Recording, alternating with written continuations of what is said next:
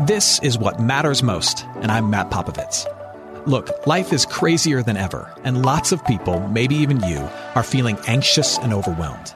Today's message is designed to help you figure out what's most important and to experience the peace and joy that God intends for you. Because life is a gift, and it shouldn't be wasted on worry. I'd like to give you a resource, something to help you navigate the road ahead. Just go to mattpopovits.com, click on the icon, and we'll send it to you. That's Matt, P-O-P-O-V-I-T-S dot com. And hey, if you happen to live in the Houston area, I'd love to see you on a Sunday morning at St. Mark in Spring Branch. Head to stmarkhouston.org to plan your visit. Here's today's message. Thanks for listening. And what we're talking about in this series is how the, the rhythms of the human life that we all experience, whether you're a Christian or not, how they are, are, are redeemed or restored to some of their original purpose uh, through the message of Jesus Christ. Uh, so, for example, when we first started out, I introduced this idea that, that all of human life consists of abiding and striving, seasons of, of resting and seasons of, of working.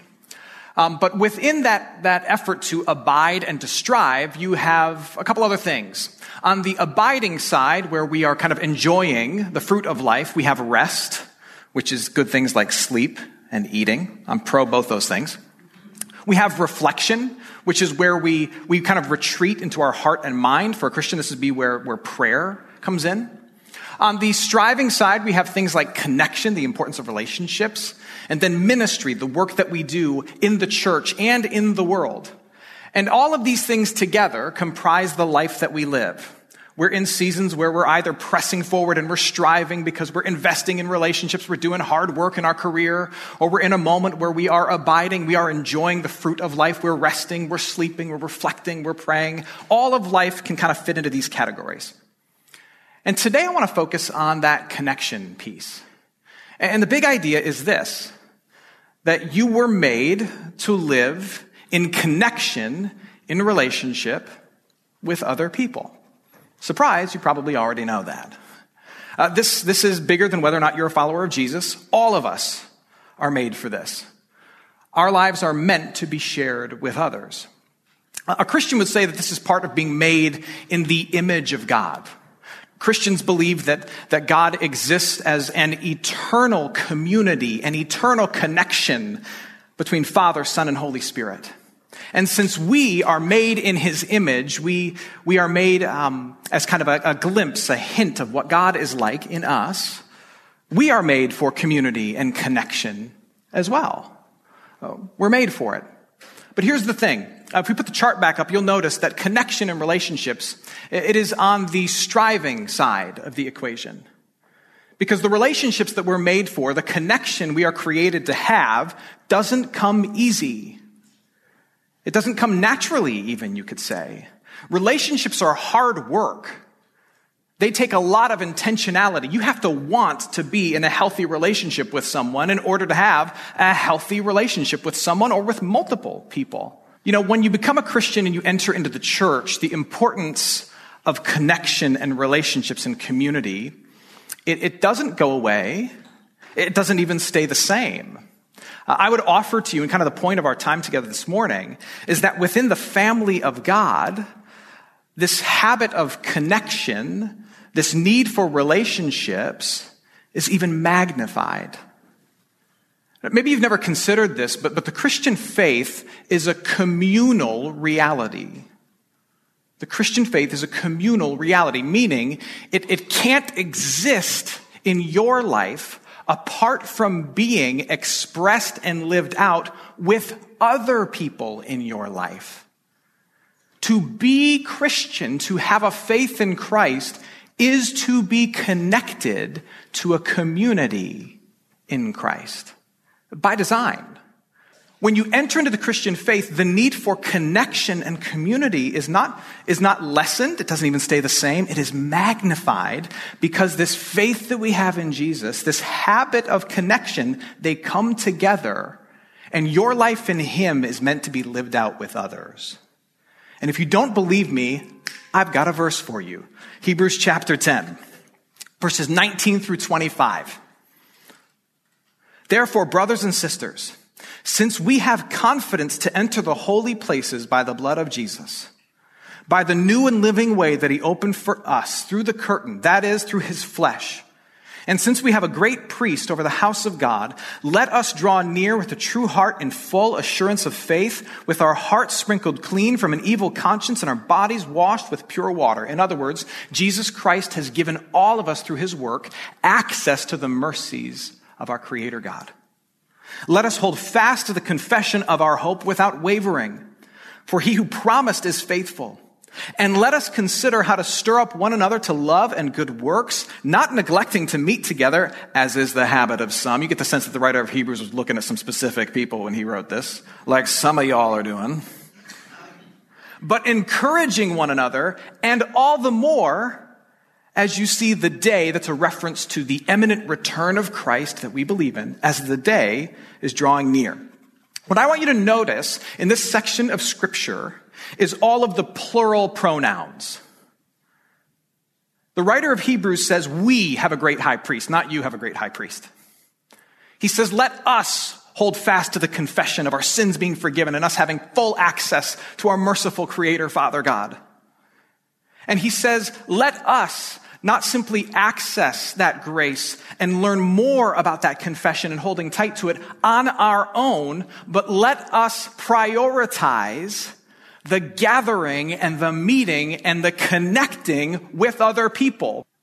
Now, if you are kind of paying attention to the world at large, one of the things you might notice is that we live in a world where spirituality is increasingly subjective. Uh, as the world becomes more secularized or disconnected from spiritual things, our collective understanding of how people live out their faith becomes more and more individualized.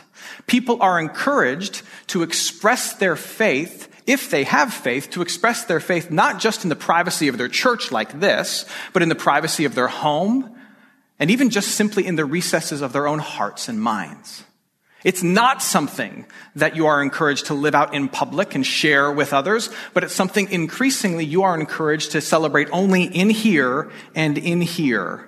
And if you really have to, in here, but behind closed doors. It's individualized. And in some ways, the larger Christian church in recent years has encouraged this. Oftentimes, when we talk about the Christian faith, we talk about it in terms of just me and Jesus. As long as I've got my Bible, I'm fine. As long as I've got my beliefs and my prayer time, I'm fine. It's just me and Jesus. But listen again to the writer. He says it's not just you enjoying the work of Jesus. It's not just you digging into his promises, but you prioritizing life with the people of God and doing these things with them. Now, what's interesting to me is that the writer of Hebrews, 1900 years ago, he had to encourage people of faith to live out their faith collectively together. Which means that this has always been an issue. That we've always been tempted to take this communal faith that we have and live it out purely as individuals. So that the writer of Hebrews has to write to people 1900 years ago and say, hey, we're supposed to do this together because the habit of connection and the work of Jesus Christ, they go together. And people have always been, been responding to that by saying, oh, but do I have to do this with other people? Because other people are kind of the worst. And, and I'll be honest with you. That's a true statement. People are the worst. And, and, there is, there is a curse that comes with connection. We live in a, a very, very broken world. And as a result, every aspect of life in this world is touched by the brokenness of, of human sin. And our connecting with other people and our living in community with other people is not unaffected by that. In fact, whenever you get together with other people, be it within a church or outside of a church, you're going to feel the sharp edges of sin. Uh, there's a curse to connecting with other people in some capacity. Connecting with other people always brings with it risk and burden. Always. Doesn't matter if you're talking about your church family, your biological family, your work family, whatever family you want to think of, connecting with them and living in community with them always brings risk and burden. It brings the risk of rejection and isolation and the burden of having to deal with other people's stuff that they bring into your relationship with them, and you have to help them with it, you have to carry it for them. It brings these two things. It brings a curse that is the risk of rejection and the burden of other people's brokenness. And because of this, because we all know that there's kind of a curse embedded in connecting with others, there are some people who choose to pull away from human relationships altogether. Like you've got a couple people in your life that you trust, and that's it because you have counted the cost of being connected to too many people and being in community with too many people, and you consider the cost to be too high. And maybe that's where you are. You have a handful of people in your life who get to share your life in any capacity, and that's it, and you are not taking any applications for new friends. When people show up and they're like, I would love to be your friend, you're like, nope, application season is closed, and it closed when I was 10. You've been rejected in the past and you don't want that to happen again. And I don't blame you. You have been burdened by the, by the brokenness of other people and asked to fix it. And maybe you've failed. Maybe you've struggled to love other people well, or you just don't want the responsibility of having to love other people well. And I don't blame you. I don't blame you. The reality is that there is no truly safe community to be a part of. There's no risk free community because all communities involve people, and people are the worst. Now, all of this comes together and it, and it, and it stirs up a question. It stirs up a question. If, if we are meant to live our life of faith with Jesus, with other people, the habit of connection doesn't go away, but it's magnified in the Christian church. And yet, connection carries with it a curse uh, the risk of rejection and the burden of other people's problems, why, why would God make it so that we, we are called to live out our faith with, with other people? Why wouldn't he design it so that we are in isolation and we just do this on our own? If God knows that there's a curse involved with connecting with other people, why would he insist on using plural pronouns when describing the faith that we are called to live out? Why would he do that? I hope you're enjoying today's message.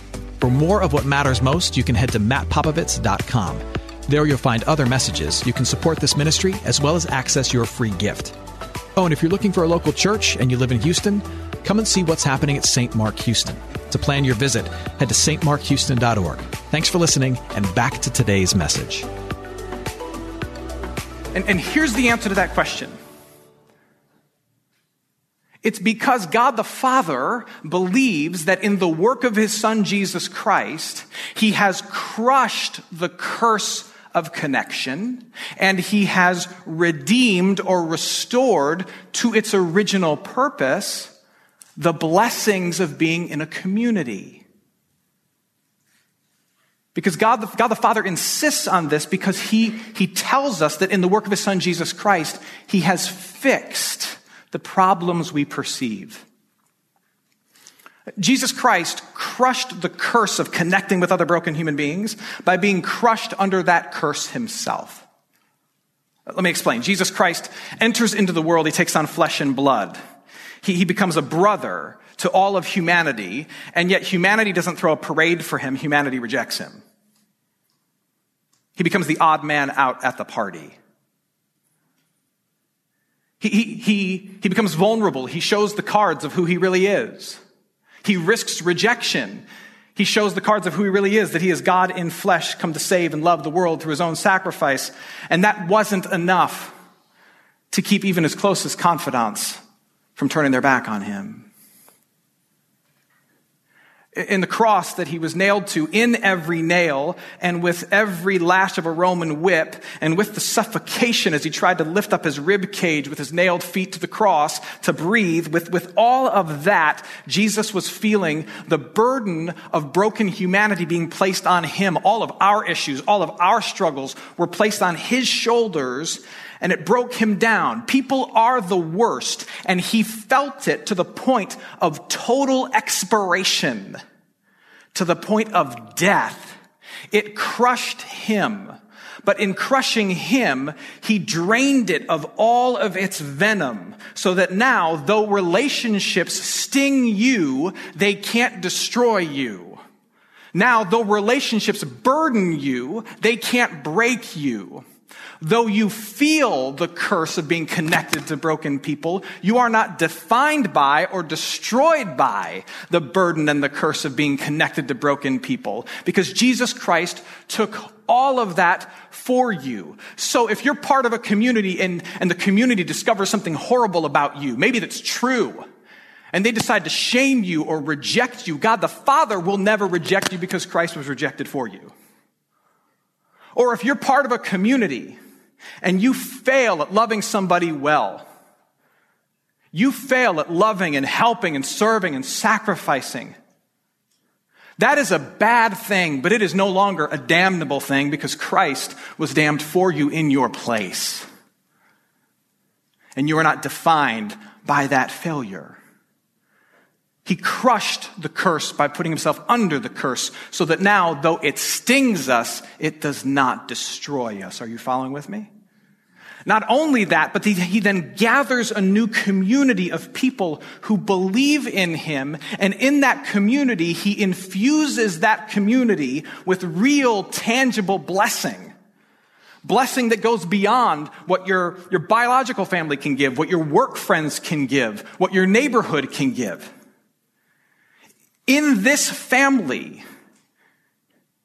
he gives you a storehouse of grace and mercy. As mysterious as it may sound, when, when we gather here in this place, this is where God chooses to give his gifts of forgiveness of sin, where he chooses to feed you on forgiveness through the Lord's Supper, where he chooses to pronounce to you over and over and over again that he loves you and he accepts you. In this community, he infuses it with blessing by making it a storehouse of grace and mercy. He infuses it with blessing by making this community of gathered believers a place of deep accountability and spiritual encouragement. Where in this place, there are people who know you and who know him. And they can say to you, Keep following, keep moving, keep loving, keep serving. There are people who know you and who know him. And when you're at your lowest point, they can come right up next to you and they can say to you, there is hope that we have in the crucified and resurrected Jesus. They can encourage you spiritually. In this place, he's giving you the gift of the opportunity to grow. And we grow not by reflecting in our own heart and mind about what do I want to be good at? No, he gives us the gift of growth here by when you love and you serve and you work in this place, you discover how God has gifted you. He has infused this place with real blessing when the weight of an evil and broken world is bearing down on you and the temptation is to be isolated and alone and simply to endure it on the weight of your own shoulders, the church community stands next to you. It puts its arm around you and it feeds you with mercy. It gives you grace. It whispers words of hope into your ear. It stands next to you and says, you are not alone. It puts its own face to the evil crowd and says, what are you going to do now? I'm with her. I'm with him. There's tangible blessing in the solidarity of other people playing the game alongside of you. That's what happens in this place. So, how do you make the most of this habit of connecting within the people of God? Well, a lot could be said here. But in order to make the most of this gift of community and this habit of connecting within God's family, where He has crushed the weight and the curse of sin, and where He has infused this place with tangible blessing, I think of just a handful of things. And the first one is really, really simple. I think you make the most out of this connection by worshiping with the other people of God on a regular basis by making a really simple commitment to yourself and to others that whenever you're in town, you're also in church. And it may sound like an overly simplistic thing, but it's a profound thing to say, if I'm in my hometown, I'm going to be with my people. I'm going to be in the place where God gives his gifts because this is the place where God gives his gifts.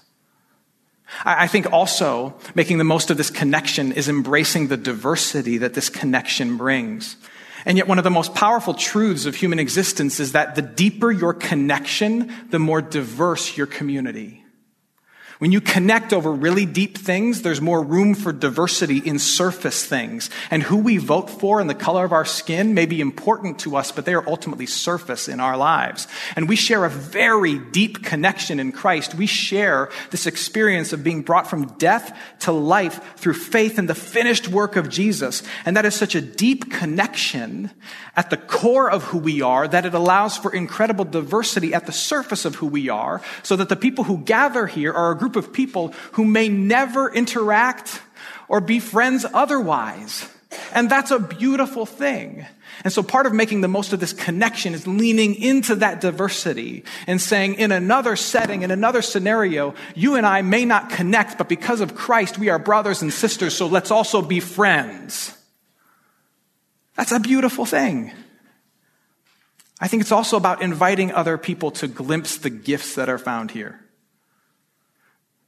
Creating an environment where people can belong here on a Sunday they attend here or at a Bible study they join in here without necessarily believing what we believe here. Where they can come into this place and they can see the diversity, they can hear of the grace, they can glimpse the deep connection and they can sense for a moment that there are great and tangible gifts that are given in this place. And in particular, we invite and we make space for the people who may be outcast and unwelcome in other groups. People who are experiencing the curse of connection in other groups, who may be thought of as social outcasts. They're not wanted. They don't fit in. They should find the first and best seat here. We make the most of this connection where we create an environment where anyone with any issue can belong because the only precondition is admitting you have an issue. Period. I'll close by saying this. The difficulties of life can make hermits out of us. The difficulties of life can drive us into hiding can make us retreat from other people, but your apartment has no answers on its own. God gives courage through the community. God dissipates doubt through the fellowship of believers. He deposits wisdom in a network of others. He hands out mercy and grace through the lips and the hands of other human beings. And you may not like that, but God insists on wrapping his love in the messiness of flesh and blood. He insists on it. You may not need more friends, but I do know that you need more Jesus. And Jesus insists on making himself known through more friends. I see you live this out in great ways. I see you live this out when, when you connect and catch up with each other after church every single week to the point where we almost have to shoo you out the door after about 30 minutes. I see it when you take part in our discipling groups and our classes. I see it when you're here week after week with open hands ready to receive. I see it when after church and before church and even on the sidewalk on days where we don't have church, you are pausing to pray with one another. You're texting to check in on each other. Hey, I haven't seen you in a while. Where you been? You okay? You still alive? Text me if you're breathing. That is you embracing the habit of connection and community in the context of Christ, where it is not decreased, it is magnified. And friends, you will strive after many things, but I encourage you to strive after that because it is worth it. Amen. Hey, it's Matt. I hope you enjoyed what matters most. Here's what I need you to know life is a gift, and it shouldn't be wasted on worry. I want to help you figure out what's most important and to experience the peace and joy that God intends for you. So, for more content, you can head to mattpopovits.com. That's Matt, P O P O V I T S.com. There, you can also support this ministry as well as access your free resource, a little something to help you navigate the road ahead. I'd also love to see you on a Sunday morning. If you're in the Houston area, head to stmarkhouston.org to plan your visit. In the meantime, Hit me up on Instagram at mpopovits or at facebook.com slash Matt Popovits Ministries. Thanks for listening. Now go and hold tight to what matters most.